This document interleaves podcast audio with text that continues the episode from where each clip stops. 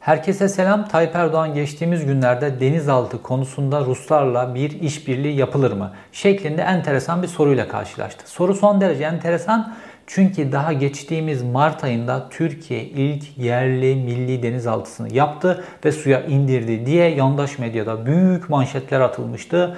İşte denizaltımız Türkiye'den Amerika'ya kadar gidip geri gelebiliyor yakıt ikmali yapmadan vesaire vesaire. E Türkiye madem yerli ve milli denizaltısını yaptı, Ruslarla denizaltı konusunda neden bir işbirliği yapsın? Fakat esas ilginç olan Tayyip Erdoğan'ın verdiği yanıttı. Tayyip Erdoğan diyor ki denizaltı konusunda Almanlar işi ağırdan alıyor.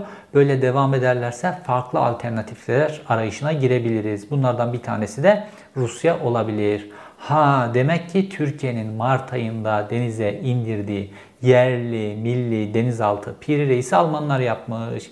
Şimdi bu anlaşmanın detaylarını anlatacağım ve her bir denizaltıda nasıl Türkiye'nin 125 milyon euro kazıklandığının detaylarını anlatacağım.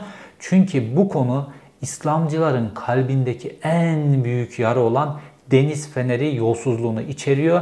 Türkiye bu kazığı deniz feneri yolsuzluğunun üzerinin kapatılması karşılığında yedi. Deniz kuvvetlerindeki personellerin karşı çıkmasına rağmen hep söylüyorum yolsuzluklara bulaşmış iktidarlar milli güvenlik sorunudur. Şimdi 6 tane deniz altından deniz feneri yolsuzluğuna uzanan çok enteresan bir hikayeyi dinleyeceksiniz ve bunun devamında da Ege Denizi'nde Türkiye ve Yunanistan arasındaki güç dengesinin adım adım nasıl değiştiğine ilişkin çok kritik bilgiler vereceğim. Huzurlarınızda yine dop dolu, bilgi dolu bir video.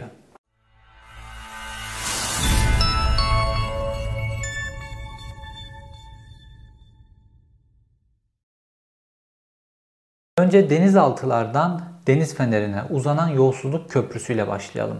Denizaltı alınması işi, Almanya'dan denizaltı alınması işi ilk olarak Türkiye'nin gündemine 2007-2008 gibi sokulmaya başlandı.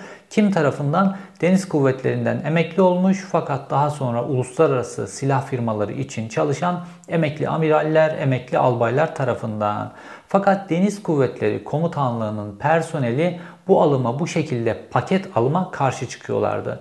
Deniz Kuvvetleri'nin resmi görüşü Türkiye'nin şu an acil olarak denizaltı alımına ihtiyacı olmadığı, dolayısıyla Türkiye'nin kendi imkanlarıyla maksimum düzeyde ne kadar üretebilecekse bazı parçaların yurt dışından tedariki, teknoloji transferiyle Türkiye'nin Gölcük Tersanesi'nde kendi denizaltısını üretebileceği şeklindeydi. Ve bununla ilgili de planlar, projeler, çalışmalar başlatılmış ve bir aşamaya gelmişti.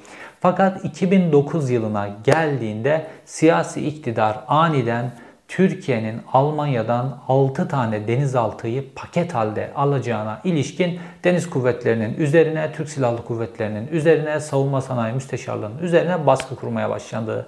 Ve nihayetinde Almanya'dan bu denizaltıların alınmasıyla ilgili 3,5 milyar euroluk bir anlaşma imzalandı. Fakat Deniz Kuvvetleri personeli o günün şartlarında pek çok baskı kullandılar. Bu baskıların bir tanesi aynı denizaltılardan yani 214 sınıfı denizaltılardan Yunanistan'ın elinde de 4 tane olduğu, Yunanistan'ın bu denizaltılarla ilgili pek çok problemle karşı karşıya kaldığı, dolayısıyla Türkiye'nin de bu problemlerle karşı karşıya kalacağını belirtip Almanya'dan denizaltıların projelerinde bazı değişiklikler yapmasını istediler.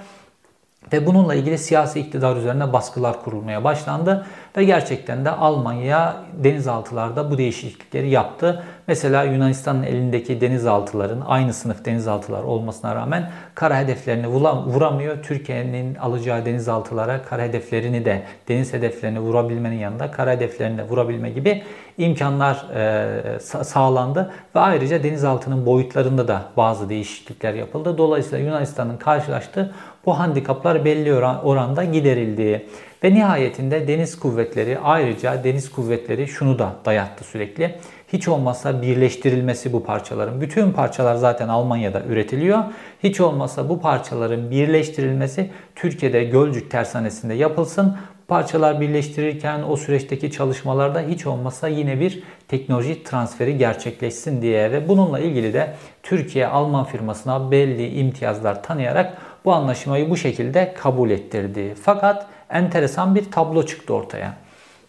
Normalde Türkiye'nin eklettiği özelliklerin nedeniyle işte 5 milyon 10 milyon euro arası bir fark olması normaldi. Fakat denizaltı başına 125 milyon euroluk bir fark ortaya çıktı.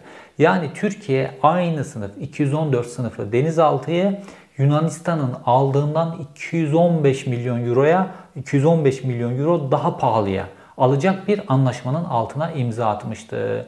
6 tane denizaltıdan da bahsettiğimiz için 125 çarpı 6 ortaya büyük bir rakam çıkıyor. Peki Türkiye ne oldu da Erdoğan iktidarı ne oldu da savunma sanayi müsteşarlığını deniz kuvvetlerini zorlayarak bu anlaşmanın, bu fahiş anlaşmanın altına imza attırdı.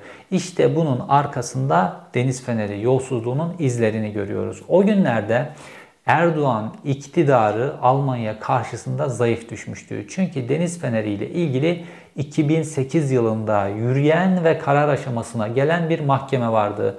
Ve bu mahkemede de Alman savcı bu yolsuzluğun esas faillerinin Türkiye'de olduğuna ilişkin bir açıklama yaptı. İşte bu açıklama son derece kritikti.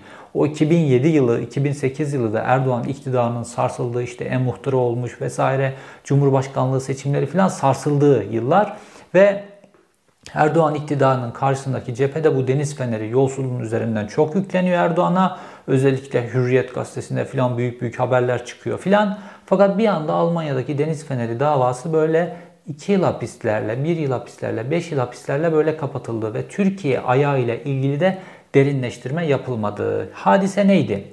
Almanya'da Deniz Feneri EV Derneği 41 milyon euro para toplamıştı. Fakat bu paraları toplarken işte mesela Pakistan'da deprem olmuş, Pakistan'daki Müslümanlara yardım gibi, işte Bosna'da bir şey olmuş, Bosna'dakilere yardım filan gibi böyle bu tip kampanyalar başlatmış. Fakat Almanya'daki dernekler yasası son derece sıkı. Almanya'nın yargısı da dernekleri denetleyen kurumları da diyor ki siz bu parayı bu tip tip tip bağışlar işte Pakistan'a yardım vesaire gibi sebeplerle toplamışsınız ama parayı başka yerlerde kullanmışsınız. Şirket kurmuşsunuz, onu yapmışsınız, bunu yapmışsınız. Paranın 41 milyon euronun 17 milyon eurosunu Türkiye'ye aktarmışsınız. Bu 17 milyon euronun sadece 8 milyon eurosu Deniz Feneri'nin Türkiye'deki şubesinin hesabına aktarılmış. Fakat 9 milyon euro ortada buhar olmuş. 9 milyon euro yok. İşte bu 9 milyon euronun kim tarafından nasıl iç edildiğine ilişkin ipuçları, bilgiler Alman savcılığının elindeydi. Fakat Alman savcılığı, Almanya adli makamları konuyu bu noktada derinleştirmediler. Olayın üzeri örtüldü ve Türkiye'ye de bu deliller Türkiye'deki savcılığın eline hiçbir zaman gelmedi. Ve sonra da Tayyip Erdoğan kendisini o deniz feneri daha doğrusu iktidarın o deniz feneri yolsuzluğundan kurtaran o dosyanın üzerini kapatan savcıları, hakimleri daha sonra nerelere nerelere getirdiği ve yine aynı o savcıların, hakimlerin Tayyip Erdoğan'ı ne tip suçlamalardan kurtardığını da zaten biliyorsunuz. İşte 2008 yılında bu şekilde Tayyip Erdoğan'ı kurtaracak şekilde daha doğrusu Tayyip Erdoğan'ın başını büyük derde sokmayacak şekilde bu dosya böyle kapatılınca bir anda Tayyip Erdoğan deniz kuvvetlerinin karşısına dikildi ve bu biz yerli milli imkanlarla üretmeyi bir tarafa bırakın. Almanya'dan biz 6 tane alacağız bu denizaltıyı. Niye 6 tane denizaltıyı alacağız? Çünkü Yunanistan elinde 4 tane var. Çok acil bizim bunlara sahip olmamız lazım.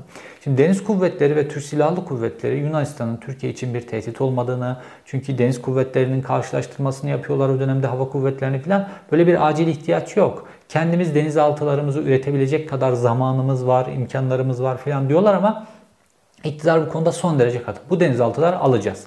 Bu denizaltıları alacağız diye bir dayatmayla gelince de deniz kuvvetleri de işte olabildiğince bunun içerisine bazı imkanlar katılabilir. İşte Gölcük'te birleştirilse parçalar filan ya da şu şu özellikler eklense de Yunanistan'ın yaşadığı handikaplar olmasa filan gibi bazı geliştirmeler yapıyor olabildiğince. Fakat işte dediğim gibi yolsuzluğa bulaşmış iktidarlar milli güvenlik sorunudur.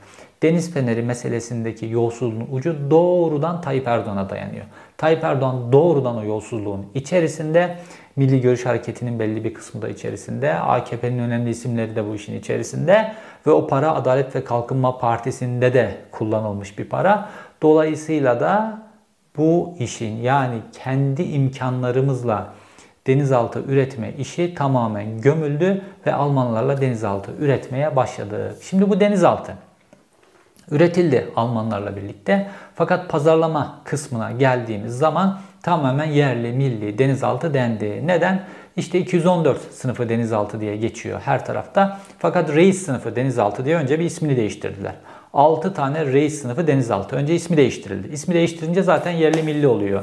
Oysa baktığımızda bu denizaltının esas olarak üreticisi ThyssenKrupp Marine System denen TKMS diye kısaltılmış olan bir e, Almanya'ya ait bir firma. Ve bu denizaltının torpido grubu yani vurucu sistemlerini de Almanya'nın Wedel kentindeki Atlas Elektronik üretiyor. Motoru ise Alman MTU şirketi ile Siemens'e ait bir dizel motor, bir elektrikli motor bulunuyor. Bunlar da bunlara ait. Yani tamamen motor, torpido sistemleri, denizaltının büyük kısmının üretilmesi, çelikle ilgili alaşımlar filan bunların hepsi tamamen Almanya tarafından yapılıyor. Almanya tarafından parçalar Türkiye'ye getiriliyor ve Türkiye'de birleştiriliyor.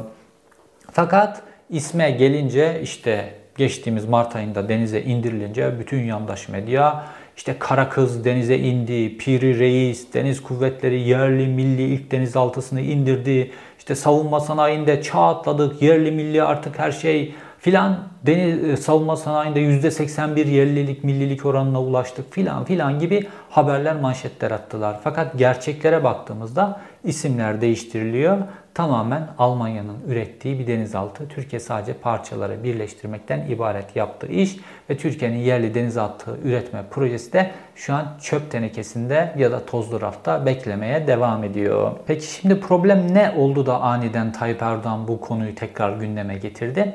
Şimdi uçakta şöyle enteresan bir hava var. Gazetecilerle ve Tayyip Erdoğan arasındaki uçak muhabbetlerinde. Çünkü bu soru Türkiye Rusya ile denizaltı konusunda işbirliğine gidebilir mi? Sorusu gider mi? Sorusu Tayyip Erdoğan Soçi dönüşü, Putin'le yaptığı görüşmenin dönüşü uçakta gazeteciler tarafından soruldu.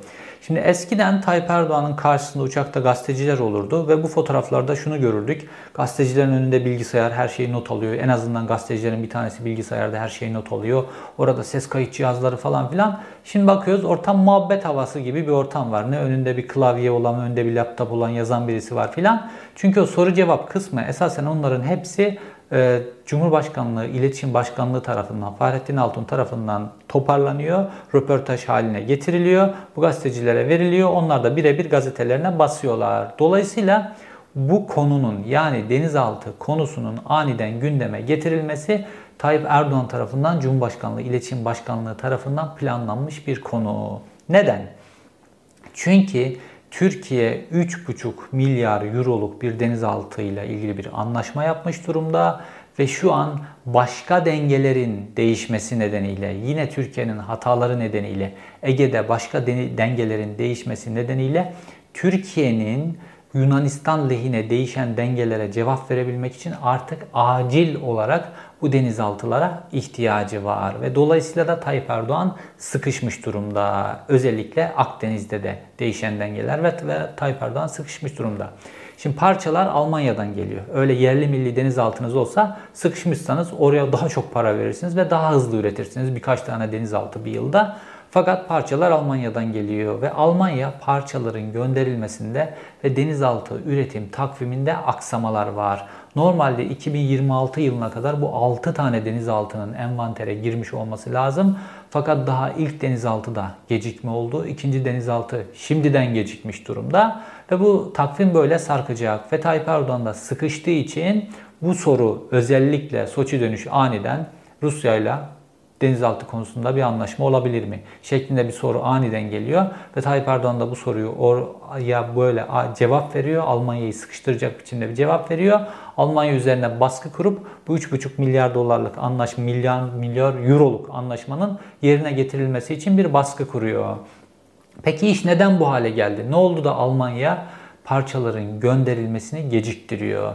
Çünkü Türkiye iç politika, daha doğrusu Tayyip Erdoğan iç politikada gerilimi yükseltebilmek için Akdeniz'de ve Ege'de o kadar çok gereksiz gerilim çıkardı ki normalde diplomasi yoluyla Ege'deki ve Akdeniz'deki gerilimler çözülebilir ve Türkiye oradaki enerji kaynaklarından da payını alabilir. Masada olabilirdi. Fakat Tayyip Erdoğan iç politikada bu işi kullanabilmek, bu gerilimi kullanabilmek için Akdeniz'de ve Ege'de gereksiz olarak o kadar çok askeri güç, askeri zorlama enstrümanları kullandı ki bütün Avrupa'yı bu konuda tedirgin etti ve şu an Almanya dahil bütün Avrupa Türkiye'ye bu denizaltıların verilmesi konusunda tereddüt yaşıyor.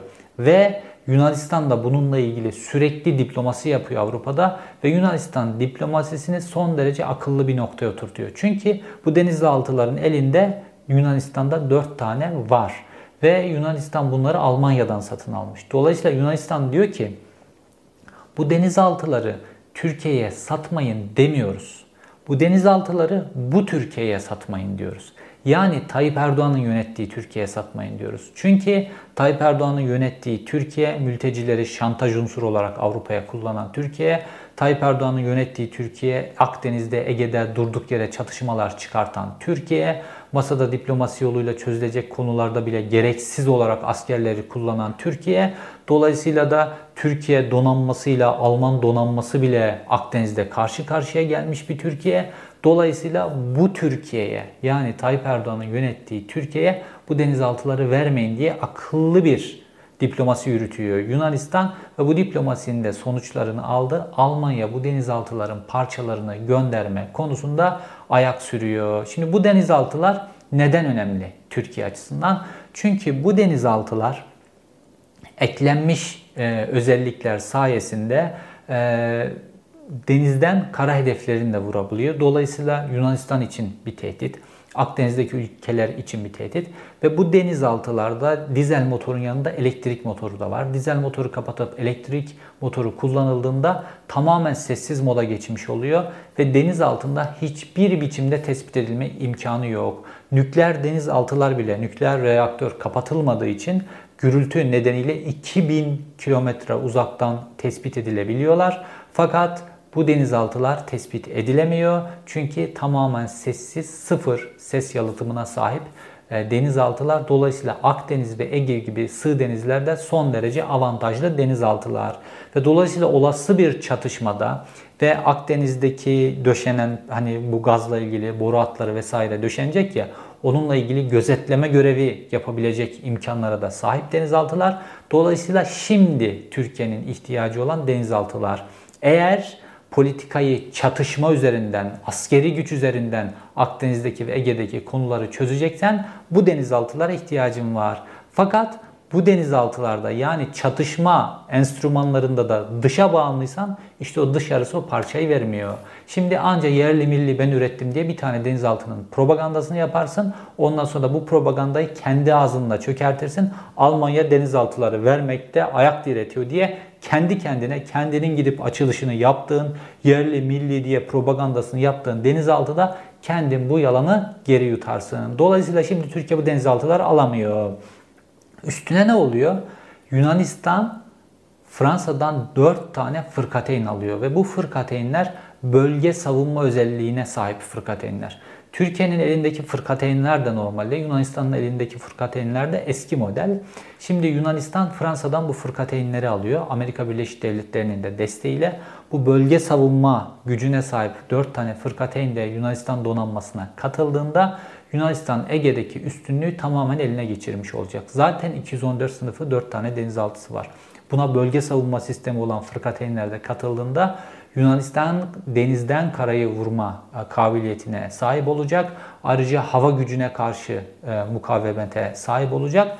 Dolayısıyla da dengeler Yunanistan lehine Ege'de de Akdeniz'de de çok büyük oranda değişecek. Fakat sadece bu mu değişen dengeler? Dengelerde bir de Rafale savaş uçakları var. Yunanistan'ın Fransa'dan almaya başladığı savaş uçakları. Bu savaş uçaklarının gelmesiyle birlikte Ege'nin semalarında da Akdeniz'in semalarında da e, avantaj tamamen Yunanistan'a doğru geçmiş olacak. Ege semalarında Türkiye ile Yunanistan jetleri biliyorsunuz sürekli it yapıyor ve Yunanistan'ın elinde de F-16'lar vardı. Türkiye'nin elinde de F-16'lar vardı. Şimdi Yunanistan F-16'ları şu anda daha avantajlı durumda. Çünkü Blok 70 diye bir modernizasyonu tamamen Yunan F-16'larının tamamı Blok 70 modernizasyonundan geçtiler. Fakat Türk F-16'ları henüz Blok 70 modernizasyonunu gerçekleştirmediler. Yani Türk F-16'ları elektronik radar denen havada erken uyarı sistemi sayesinde karşıda çarpıştığı uçakta uçağa karşı avantaj tanıyan elektronik radar sistemine sahip değiller blok 70'lerde bulunan. Fakat şimdi Yunanistan bir de 24 tane Rafale savaş uçağı alıyor Fransa'dan. Bunlar 4.4.5. nesil olarak bilinen savaş uçakları ve ayrıca Yunanistan 35 tane de F-35 almak için Amerika Birleşik Devletleri ile anlaşma aşamasında. Şimdi bu Rafale savaş uçakları Yunanistan'a Ege semalarında nasıl bir avantaj sağlayacak? Şimdi Rafale savaş uçaklarında bulunan bir elektronik harp sistemi var. Elektronik bir radar var. Thales RBE2 olarak geçen bir sistem. Bu sistem sayesinde Rafale savaş uçakları erken tanı sistemi sayesinde havada karşılaştıkları, havada mücadele halinde oldukları savaş uçağına karşı son derece avantajlı pozisyondalar. Çünkü dünyada bu radarı kullanabilen ilk uçak olarak semalarda seyrediyorlar. Dolayısıyla bu savaş uçakları Yunanistan envanterine geçtiğinde Yunanistan savaş uçakları Ege semalarındaki it dalaşlarında Türkiye'ye karşı çok büyük avantaj sağlamış olacaklar. Ayrıca bu savaş uçakları aynı anda 8 tane ayrı hedefe kilitlenebiliyorlar. Dolayısıyla da böyle herhangi bir sürü drone saldırısı var ya Türkiye'nin o meşhur dronları. Sürü drone saldırısına karşı bu 24 tane savaş uçağı karakol görevi gördüğü zaman her biri 8 ayrı hedefe kilitlenebildiği için de sürü drone saldırısına karşı son derece etkililer. Ayrıca anti donanma sistemleri var. Dolayısıyla denizlerdeki hedefler konusunda da son derece etkinler ve yine taşıdıkları radarlar sayesinde 3 boyutlu radarlama sistemleri sayesinde 300 kilometreden yer hedeflerini 10 metre sapmayla vurabilecek kapasiteye sahipler. Ayrıca kendi aralarında yakıt ikmali yapma yetenekleri de var. Şimdi bu savaş uçaklarından Yunanistan sahip olacak. Yunanistan Rafale savaş uçaklarına sahip oluyor. Bir. F-16'larını Blok 70 modernizasyonundan geçirdi. Türkiye F-16'larını daha Blok 50 modernizasyonlarını bile tamamlayamamış tamamen. Dolayısıyla Türkiye Hava Kuvvetleri de Deniz kuvvetleri yanında hava kuvvetleri de son derece devam, dezavantajlı bir pozisyona düşüyor. Peki Türkiye bunun karşında ne yaptı? Zaten S-400'ler nedeniyle F-35 sisteminin dışına atılmış bir Türkiye. F-16'larını da yenilenemiyor, yenileyemiyor. Şimdi hava kuvvetleri böyle Amerika ile gerilim çok yükselince F-16'lar için de parça satmazlar diye hava kuvvetleri erkenden böyle yüz milyonlarca dolarlık F-16 parçası satın aldı ve depolarını doldurdu. Tamam parçaları satın alıp doldurabilirsin. Fakat Blok 70 modernizasyonu nasıl yapılacak? İşte bu noktada da yandaş medya hatta defans savunma siteleri dahil öylesine yalan haberler yaptılar ki Türkiye F-16'larını kendi imkanlarıyla modernize edecek. Tamam buyurun modernize etti. Ama gerçek nasıl? Daha geçtiğimiz hafta Türkiye Blok 70 modernizasyonu için Amerika'ya bir mektup gönderdi. Bununla ilgili bir girişimde bulundu ve Türkiye 50 tane F-16'sını Blok 70 modernizasyonu yaptırmak için Amerika Birleşik Devletleri'ne resmen başvurdu. Hani kendi imkanlarıyla yapıyordu Türkiye. Bunu hani geliştirmişti Türkiye. Madem kendi geliştirmiş o zaman yapsın F-16'larını modernleştirsin. Yok böyle bir şey. Her şey tamamen yandaş medyanın işte milli savunma alanında şunu yaptık, bunu yaptık, %90 yerli millilik oranına ulaştık vesaire vesaire. Ama gerçekler sıkıştı artık Türkiye. Ege konusunda, Akdeniz konusunda sıkıştı.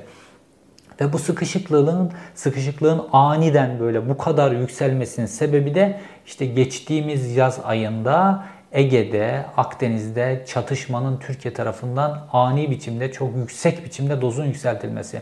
Ülkeler bazen çatışmaları, gerilimleri yükseltebilirler. Bu için deniz kuvvetlerini, hava kuvvetlerini kullanabilirler. Bunlar ülkenin çıkarlarını koruyabilmek için yapılacak enstrümanlar. Fakat bu enstrümanları kullandığınızda uzun vadeli planlarınızın hazır olması lazım. Deniz kuvvetleri alanında hazır değilseniz, hava kuvvetleri alanında hazır değilseniz ve bu konudaki partnerleriniz de sizin çatışma içinde olduğunuz ülkeyle iyi ilişkiler halindelerse ve sizin çatışmayı yükseltmeniz bu partnerlerinizi çatıştığınız ülkenin kucağına doğru itiyorsa o zaman burada diplomasinin devreye girmesi lazım. İşte Türkiye Deniz Kuvvetleri'ni hazırlamadan, hava kuvvetlerini hazırlamadan ve bu anlaşmalarını sağlama bağlamadan ve gerekli teslimatları da almadan, uzun vadeli planlarını oluşturmadan iç politikada sırf bu çatışmaları kullanabilmek için Erdoğan iktidarının özellikle ekonomik kriz nedeniyle pandemi döneminde de bu kriz iyice yükseldi vesaire. Bu nedenlerle iç politikada bu konuları kullanabilmek için son iki yıldır Ege'de, Akdeniz'de çatışmayı kapasitesinin üzerinde yükseltmesi nedeniyle şimdi Türkiye hava kuvvetlerinden modernizasyonunu yapamıyor. Hava kuvvetlerinde teslimatlarını alamıyor. Şimdi de deniz kuvvetlerinde teslimatlarını alamama, denizaltılarla ilgili teslimatlarını alamamayla karşı karşıya. Fakat deniz feneri pisliğini kapatmanın karşılığında bu anlaşma yapılmasa, Türkiye'nin milli denizaltı yapabilme projesi çöpe atılmasa, şimdi Türkiye belki de ilk gerçek milli yerli denizaltısını denize indirmiş olacaktı. Dolayısıyla da bu sıkıntılarla karşı karşıya kalmayacaktı. Gerektiğinde çatışmayı arttırma enstrümanını da istediği gibi kullanabilecekti. Fakat yolsuzluğun içine, pisliğin içerisine batılmış bir iktidar tarafından yönetiliyorsanız işte milli güvenlik sorunları böyle karşı karşıya gelir. O iktidar da ileride zaten başka pisliklerin üzerini örtmek için başka çatışmalar çıkartır. Bunun faturası da bu sefer hava kuvvetlerinde karşınıza çıkar. Fakat olay sadece bununla ilgili mi? Deniz kuvvetlerinde böyle negatif duruma düştük. Hava kuvvetlerinde böyle negatif durumdayız. Bir de Amerika Birleşik Devletleri ile değişen ilişkiler nedeniyle Amerika Birleşik Devletleri'nin Yunanistan'da sürekli olarak arttırdığı yerleşkelerin, üslerin sayısı var. Şimdi baktığımızda Dede Ağaç'tan, en yukarıda Dede Ağaç'tan başlayarak en aşağıdaki adalara kadar Amerika Birleşik Devletleri Yunanistan'a 20 ayrı noktada yerleşmek için çalışmalar yürütüyor. Bunların arasında hava ile ilgili güçlerle var, bunların arasında askeri limanlar var, bunların arasında helikopterler var ve buna ek olarak da Yunanistan ordusunun her alanda eğitilmesi ve kapasitesinin yükselmesi var. Çünkü Amerika Birleşik Devletleri bir yedekleme sistemine geçti. Tayyip Erdoğan'ın bu gelgitli politikaları nedeniyle ve Yunanistan'ı bir yedek merkez olarak kullanıyor. Eğer Türkiye gerçekten Rusya ile tam partnerlik ilişkisi içerisine girerse Amerika Birleşik Devletleri hattı Yunanistan, Bulgaristan, Romanya tarafından çekiyor. Ee, zaten Bulgaristan'da üstleri var Amerika Birleşik Devletleri'nin yerleşkeleri var. Romanya'da zaten NATO'nun radar üstü, NATO'nun uzun menzilli hava savunma üsleri var ve Romanya'daki yatırımlarını da arttırıyor. Hem NATO hem Amerika, Amerika Birleşik Devletleri. Buna bir de Yunanistan'daki 20 tane Amerikan yerleşkesini eklediğimizde Amerika Birleşik Devletleri hattı son derece kuvvetli şekilde çekiyor ve Türkiye işte hep konuşulan jeopolitik, jeostratejik önemi var ya işte onu da Tayyip Erdoğan sayesinde şimdi çöpe doğru gönderiyor. Peki tüm bu hadiseler Türkiye'nin aleyhine cereyan ederken özellikle Ege'de ve Akdeniz'de Dışişleri bürokrasisi hariciye dediğimiz şey ne yaptı? Bu çok son derece önemli. Çünkü bir siyaset kurumu var. Evet fakat bir de bürokrasi var, devletin kurumları var. Askeri bürokrasi, sivil bürokrasi, dışişleri bürokrasisi. Bütün bunların hepsi de önemli ve bunların kendi görüşlerini bildirmeleri lazım. Türkiye'nin felakete sürüklenmemesi için bir. İkincisi bunu kayda geçirmeleri lazım. Üçüncüsü de tamamen devletin halkın aleyhine olduğu konularda imza atmamaları, direnmeleri gerekiyor. Peki bütün bu Türkiye'nin dış politikası böyle felakete giderken dışişleri bürokrasisi, dışişlerindeki monşerler, bürokratlar, büyükelçiler direndiler mi? Hayır. Enteresan biçimde işte o kendilerini salon adamı, beyaz Türk, son derece Atatürkçü, son derece modern olarak tanımlayan bu dışişleri bürokrasi, Türkiye'nin en seçkinleri olarak kendilerini gören kişiler enteresan biçimde Tayyip Erdoğan rejimine ilk teslim olan grup oldular ve hiçbir konuda Erdoğan rejimine hiçbir itirazda bulunmadılar. İtirazda bulunanlar olmadı mı bürokrasiden? Elbette oldu. Mesela Devlet Planlama Teşkilatı Mesela hesap uzmanları. İşte Türkiye'de şimdi çok konuşuluyor ya yolcu garantili havalimanları, geçiş garantili köprüler filan bunlar şu an hazinenin en büyük kara delikleri. Devlet Planlama Teşkilatı bu modele hep itiraz etti. Hesap uzmanları maliyedeki işte vergi sıfırlama işlerine hep itiraz ettiler. Sonuçta Tayyip Erdoğan o iki kurumu da kapattı. Kapatabilir. Güç kullanmıştır, zorbalıkla filan bunu kapatabilir. Fakat bu bürokratlar görevlerini yaptılar ve bunu kayda geçirdiler ve engel olabildikleri kadar engel oldular. Geciktirebildikleri kadar bu soygunu geciktirdiler. Fakat dışişleri bürokrasisi bütün bu Türkiye bu askeri alanda, dışişleri bürokrasi alanda, diplomaside felakete giderken hiçbir biçimde itiraz etmediler. Tamamen kendi o büyükelçiliklerinde, kendi Dışişleri Bakanlığındaki o kampüslerinde kendi dolgun maaşlarını, kendi pozisyonlarını korumak için tamam efendim deyip biatçı oldular. Mesela Feridun Sinirlioğlu bu Monşer kesimin en önemli isimlerinden bir tanesi. 7 yıl boyunca Dışişleri Bakanlığı müsteşarlığı yaptı. Sonra bakan oldu. Yaptığı işlerden birine karısını kendisi müsteşarken karısını müsteşar yardımcısı yaptı. O kadar da rahattı ki Tayyip Erdoğan'la ilişkileri nedeniyle işte Mevlüt Çavuşoğlu geçenlerde bir tane eski Dışişleri Bakanlığı bürokratı da bunları dile getirdi. Mevlüt Çavuşoğlu Uçaktan iniyor Dışişleri Bakanı elleri cebinde başında küllah Mevlüt Çavuşoğlu'nu uçaktan öyle inerken karşılıyor. Bu kadar rahat. Çünkü sırtını Tayyip Erdoğan'a dayıyor. Fakat baktığımızda işte son derece işte Beyaz Türk, Monşer falan birisi. E, Namık Tan mesela şu an eleştiriler yapıyor Twitter'da. Fakat 2014 yılına kadar Namık Tan Dışişleri Bakanlığı'nın en önemli pozisyonlarından biri olan Washington Büyükelçiliğindeydi. Türkiye bütün bu Amerika ile ilişkileri böyle berbat duruma getirirken Namık Tan ne konuda itiraz etti? Hangi konudaki itirazın ne biçimde rapora geçti filan bunların hiçbirisi yok. Dışişleri bürokrasi bütün bu felaketler olurken boyun eğdiler. Hatta işi öyle bir noktaya götürdüler ki Erdoğan'ın atadığı dışişleri bürokratlarından bile daha çok Erdoğancılık yaptılar. Mesela Türkiye'nin Paris Büyükelçisi normalde baktığımızda son derece işte beyaz Türk filan böyle bir adam monşer böyle AKP'li filan değil kesinlikle. Eskiden beri dışişleri bürokrasisinde görev yaptığı ülkenin Cumhurbaşkanı'na Macron'a bekleme yapma diye böyle sokak ağzıyla tweet attı. Kendisi Paris Büyükelçisi iken daha geçtiğimiz günlerde Bağdat Büyükelçisi Kurtlar Vadisi müziği eşliğinde jipin içerisine kurulmuş. Kurtlar Vadisi müziği eşliğinde video çekip Instagram'a post atıyor. Böyle ya bunlar AKP'li bürokratlar da değil, AKP'li büyükelçiler de değil bunlar. Fakat sırf bu iktidara yaranmak için kendilerini bu noktaya düşürüyorlar ve monşer ikiyüzlülüğü diye işte eski bürokratın tanımladığı gibi monşer ikiyüzlülüğü diye bir şey var.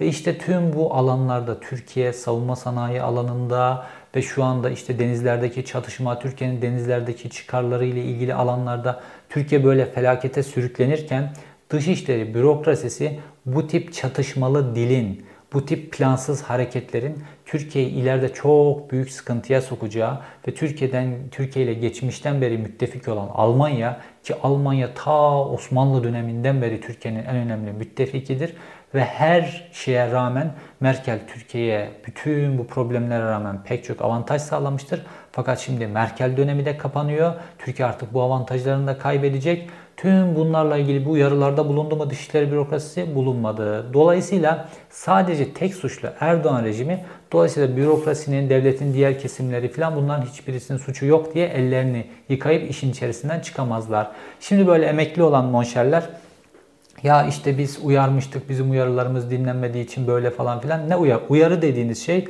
bir konuya imza atmazsınız. O konudaki uyarılarınızı rapor haline getirip kayda geçirirsiniz. Yani resmi rapor haline getirip kayda geçirmek siyaset kurumunun üzerinde baskı kurar. Fakat bunların hiçbirisi yapılmadı. Sanki bunları resmi olarak yapmışlar gibi şimdi kendi aranızda konuşmuşsanız bu uyarıları kimse dinlemez. Resmi rapor haline getirilmesi lazım. Fakat böyle bir durumlar yok. Dolayısıyla da Türkiye bu noktaya geldi. Geçtiğimiz videolardan bir tanesinde söyledim. İşte mesela Sedat Peker pek çok yolsuzluk paylaşıyor ve bu yolsuzlukların haber yapılmaması ile ilgili de gazetecilerin üzerine yükleniyor. Diyor ki işte e, namusu aldığı maaş kadar olan, şerefi aldığı maaş kadar olan gazeteciler diye yükleniyor gazetecilerin üzerine. Belki de haklı gazetecilerin bu konuları böyle yazmaması haklı. Fakat gazetecilerden önce bu yolsuzlukların üzerine savcıların gitmesi lazım. Ve Türkiye'de savcıların çok önemli bir kısmı Erdoğan iktidarından önce göreve başlamış isimler. Hakimlerin çok önemli bir kısmı, yarısından fazlası belki Erdoğan iktidarından daha önce göreve başlamış isimler. Bunlar bir adım atıyor mu? Atmıyor. E, bürokrasinin her alanı böyle teslim olunca ondan sonra da iktidar bütün alanlarda ilerleyip gidiyor. Mesela Trump iktidara geldi değil mi? Çok Amerika'nın genel politikasına çok ters şeyler yaptı. Fakat bürokrasi üzerine düşeni yaptı. Dışişleri Bakanlığı direndi, İçişleri Bakanlığı'ndaki bürokratlar direndi, yargı direndi. Ha iktidar gücüyle bazı şeyleri tabii ki yapıyor. Fakat en azından kayda geçirdiler. Görevden ayrılanlar oldu, istifa edenler oldu görüşünü resmi olarak kayda geçirdiği için bu görüşler daha sonra medyaya yansıdığı için Trump'ın geri attığı durumlar oldu vesaire vesaire. Fakat Türkiye'de bütün ihaleyi Tayyip Erdoğan'ın üzerine yükleme fakat kendisi görevlerini yapmadığı halde aradan sıyrılmaya çalışan bir de bürokratik bir kesim var. Kilit noktalarda bulunan kesimler. İşte bunlar da Erdoğan rejimi kadar suçlu ve şu an işte bugün geldiğimiz noktada o dönem e, Almanya Büyükelçiliğinde görev yapmış kişiler bu fahiş denizaltı anlaşmasının deniz feneri yolsuzluğunun kapatılması nedeniyle yapıldığını bildikleri halde bunu kayda geçirmediler. Eğer onlar bunu bir şekilde kayda geçirmiş olsaydı bu anlaşma bu şekilde imzalanmayacaktı ve şu Türkiye şu an kendi denizaltısını üretebilme kabiliyetine belki de ulaşmış olacaktı. Fakat dediğim gibi herkes koltuğunu korumakla ilgili hareket edince işte işler bu noktaya kadar geliyor. İzlediğiniz için teşekkür ederim. Bir sonraki videoda tekrar görüşmek üzere.